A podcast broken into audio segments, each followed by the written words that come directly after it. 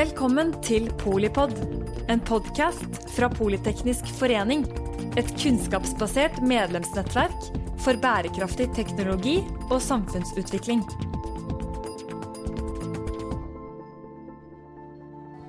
Jeg har med meg to veldig kunnskapsrike gjester i dag som har litt ulikt perspektiv på eh, gründeruniverset. Det er Trine Larsen, som er managing partner i konsulentselskapet Hammer og Hamborg. Det er Vilde Regine Tellnes, founder and CEO for Healthy Eats, som er en sunn og bærekraftig fastfood som kan kjøpes i vareautomater. Eh, og Trine, dere jobber eh, spesielt med eh, rekruttering, organisasjonsutvikling og endringsledelse. Og Vilde, du etablerte jo Healthy Eats i 2020. Eh, vil dere først fortelle litt mer om eh, hvor i gründeruniverset dere føler dere befinner dere? Trine? Kjør i gang. Ja, hvor i gründertilværelsen? Jeg er jo egentlig ikke noen gründer, da. Eh, jeg jobber jo i Hammer og Hamborg og var ansatt helt fram til rundt sånn 2012-2013. Eh, og så sa jeg til disse eierne mine, to kule svenske damer, at uh, jeg vil bestemme. Så jeg vil uh, eie. Mm. Så sa de at nei, men det driver ikke vi med. Nei, men da gidder ikke jeg. Uh, så da kjøpte jeg meg inn i selskapet. Så sånn ble jeg eier uten å være gründer, da. Ja, så det var egentlig at jeg våget Nei, jeg var vel rundt 40. Ja. Ja. Kult. ja. Hva med deg, Vilde? Eh, ja, min grunnreise startet jo for snart to år siden, som du eh, nevner. Da var jeg student. Så gikk jeg egentlig fra å være student og rett inn i en gründertilværelse. Eh, utdannet jo meg som samfunnsøkonom, men inspirasjonen til å starte selskapet den hentet jeg faktisk når jeg jobbet en sommer gratis i Silicon Valley. Jeg hørte de tidligere paneldagtakerne her snakket en del om USA og hvordan kulturen var der, og hvordan de tenkte. Så det vil jeg dele litt på hva jeg oppdaget når jeg jobbet der. Eh, for jeg satt eh, midt i hjertet av finansdistriktet, i 90. etasje, omgitt av hovedkontoret til LinkedIn, siden var hovedkontoret til Uber. Eh, I lunsjen så var det en robot som lagde kaffe til meg. Så veldig inspirerende miljø å, å være i. Eh, og da snakket jeg med ulike selskaper som satt i dette WeWork-spacet. Eh, noen skulle lage kryptovaluta, andre skulle lage en ny Tinder-app. Eh, og det som er interessant, er at alle disse folkene hadde noe til felles. De var helt sikre på at de skulle begynne i det nye enhjørningsselskapet. Eh, og de hadde gjerne grunnet tre-fire selskaper tidligere, gått konkurs med de. Men det bare skrøt de av herfra til himmelen. Oi. Så jeg tror gjerne det at vi skal være litt flinkere og skryte av feilene våre. Eh, og ufarliggjøre det. Fordi sånn de så på det, var hvis ikke du feiler, så har du aldri satset høyt nok. Så der eh, håper noen har noen feil her å komme med. For ellers har jeg ikke prøvd nok. så det var mye å, å se til det. Så var jeg denne skaperbobla nede. Kom tilbake til Norge. Tenkte seg, åh, alt er mulig, alt er mulig. Nå må jeg holde deg i denne boblen. Eh, og så omgikk jeg meg i masse miljøer hvor folk hadde store drømmer. Gikk på konferanser og prøvde å møte likesinnede mennesker. Eh, og det ledet til at jeg skulle møte han som skulle bli min medgründer. Så det var liksom starten på, på vår reise. Eh, det tar meg litt inn på et annet tema som jeg tenkte å snakke om. fordi i min krets så er det veldig mange som sier at de ønsker å starte for seg selv. Men der er det faktisk frykten for å feile som eh, hindrer eh, folk i å på en måte tørre å ta det steget. da.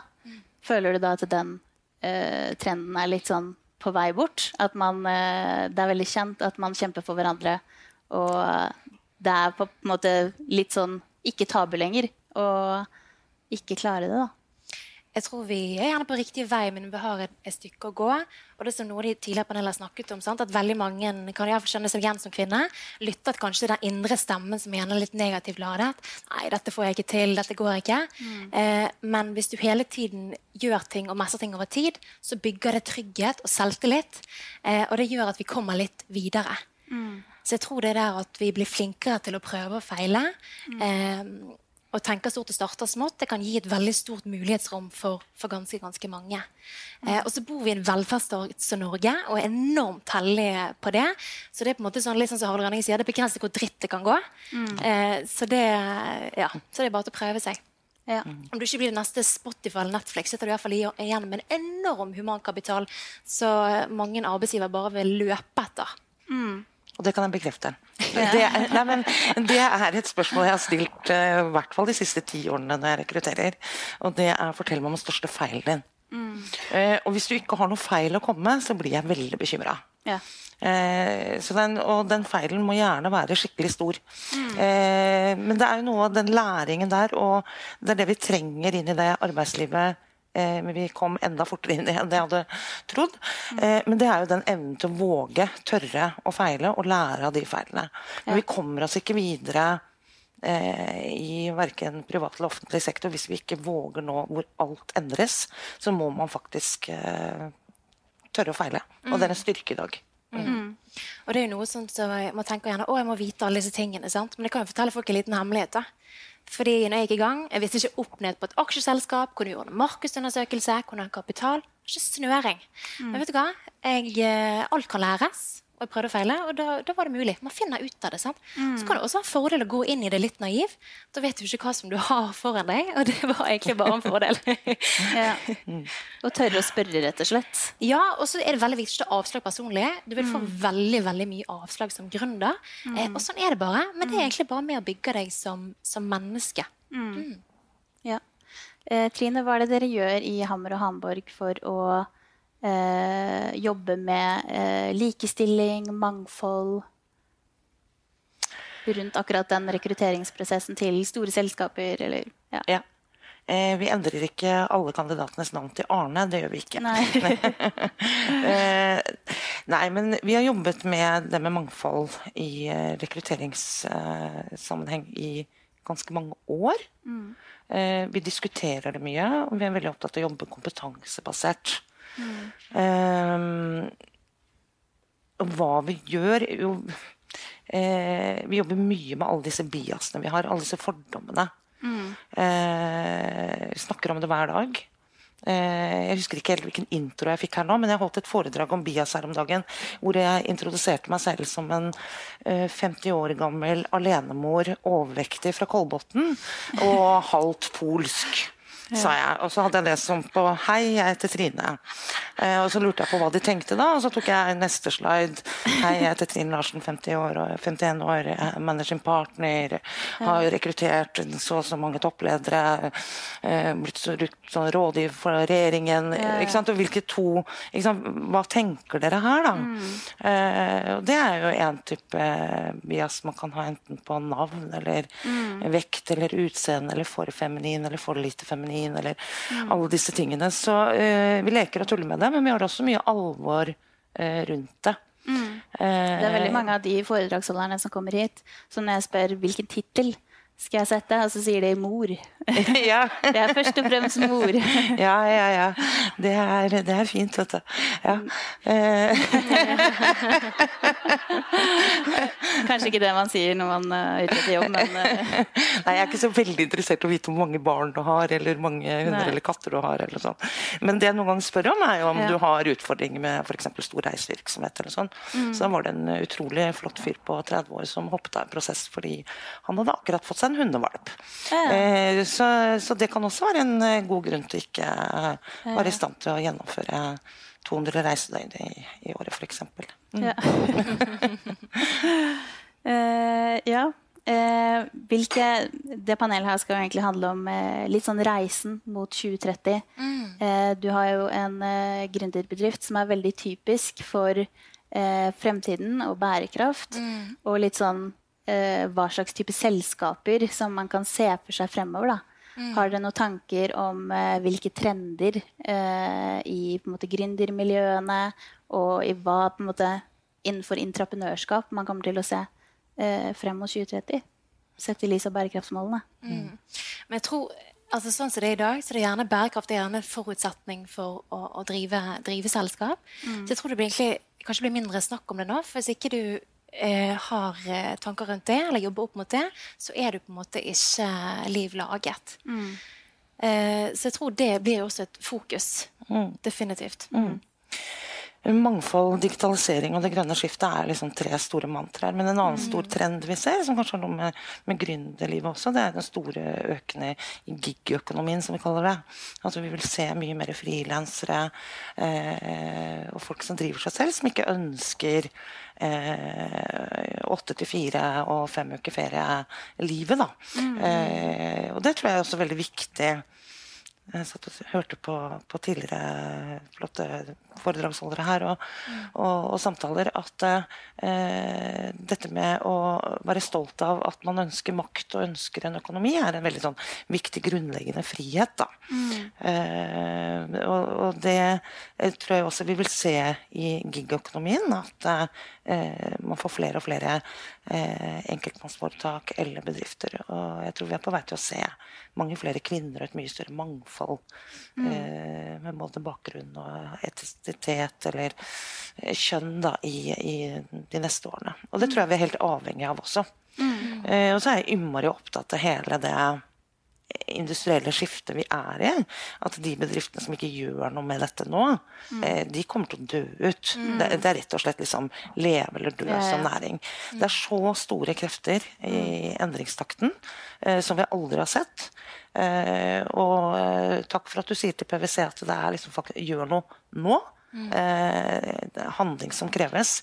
Ikke noe flere råd, eh, møter eller eh, mm. utvalg eller eh, liksom mm. Eh, alt det der. Nå må man gjøre, ellers så kommer man faktisk til å gå konkurs, er min spådom. Det går fort. Mm. Men det er ikke litt sånn at vi gjerne identifiserer oss lettere med samme kjønn? Eh, så det er jo kanskje litt av det som problemet ligger også. For det er jo en del snakk om å innhente inn kapital, f.eks. Mm. Eh, og kanskje det er veldig mange investorer som er menn, så er det lettere for å identifisere seg med andre venn. Mm. Tilsvarende gjerne som oss kvinner.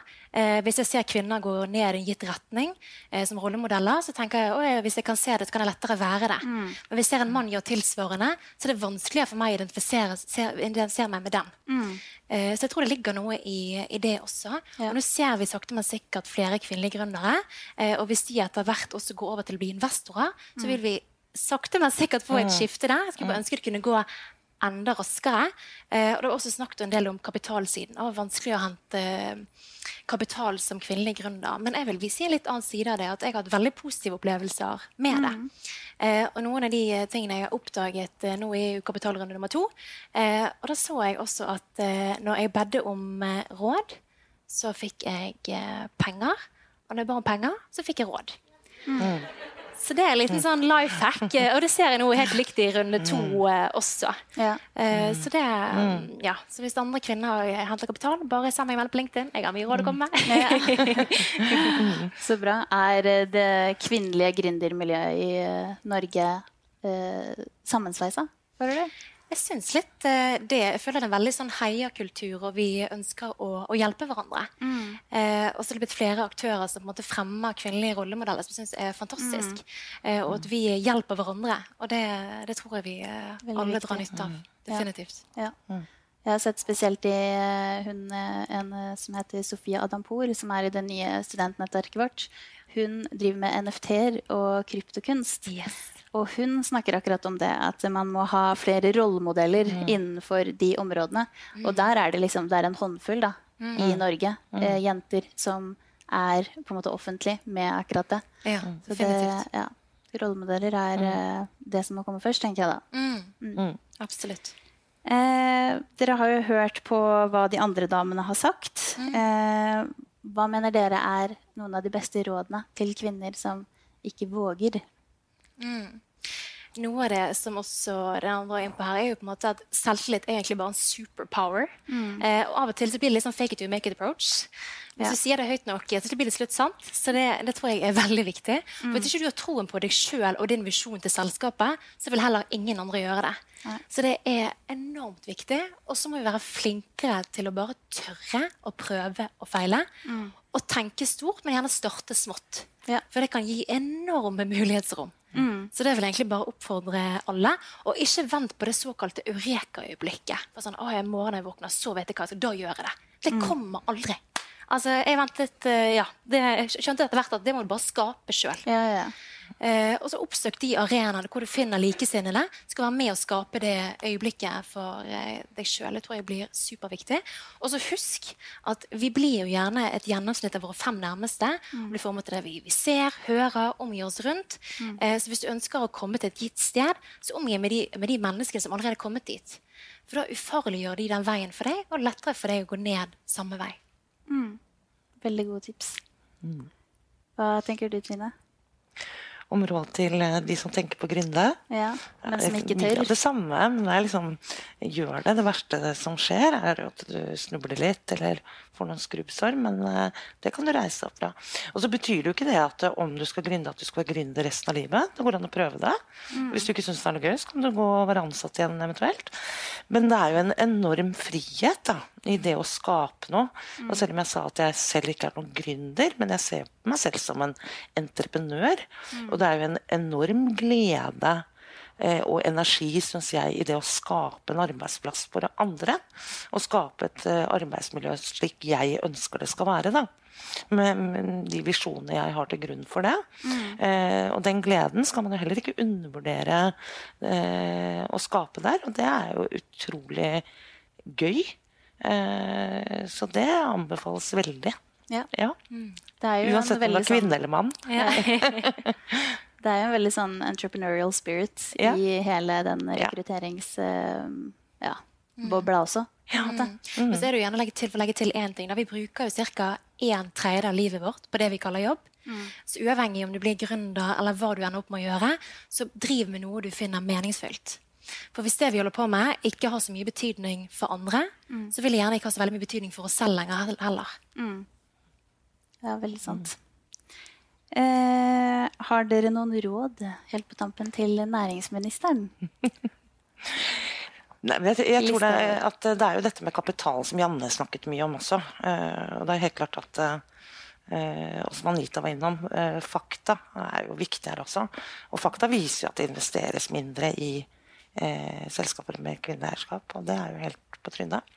Eh, og Der kan jo også staten gå foran som et godt eksempel på det, og legge noen rammevilkår eh, til rette for den delen. Da. Mm. Det tror jeg er liksom, eh, utrolig viktig med denne kapitalkraften. Da. Mm. Ja. Det ligger mye sannhet i, i, det. Og så tror jeg vi kan dra nytte av å gjerne føre en mer eh, familievennlig politikk også. Mm. Og gjøre det attraktivt for både menn og kvinner å være heltidsjobb. Så det blir færre kvinner som jobber deltid, og så vi begge jobber heltid også. Så kan ha med å lukke det kapitalgapet også, som er der i dag. Mm. Så det tror vi også må gjøre noe med. Ja. Takk for eh, samtalen. Veldig mange gode råd. Takk for at du lyttet til Polipod fra Politeknisk forening. Få med deg flere episoder, eller bli med på nettverksmøtene som du finner på at polyteknisk.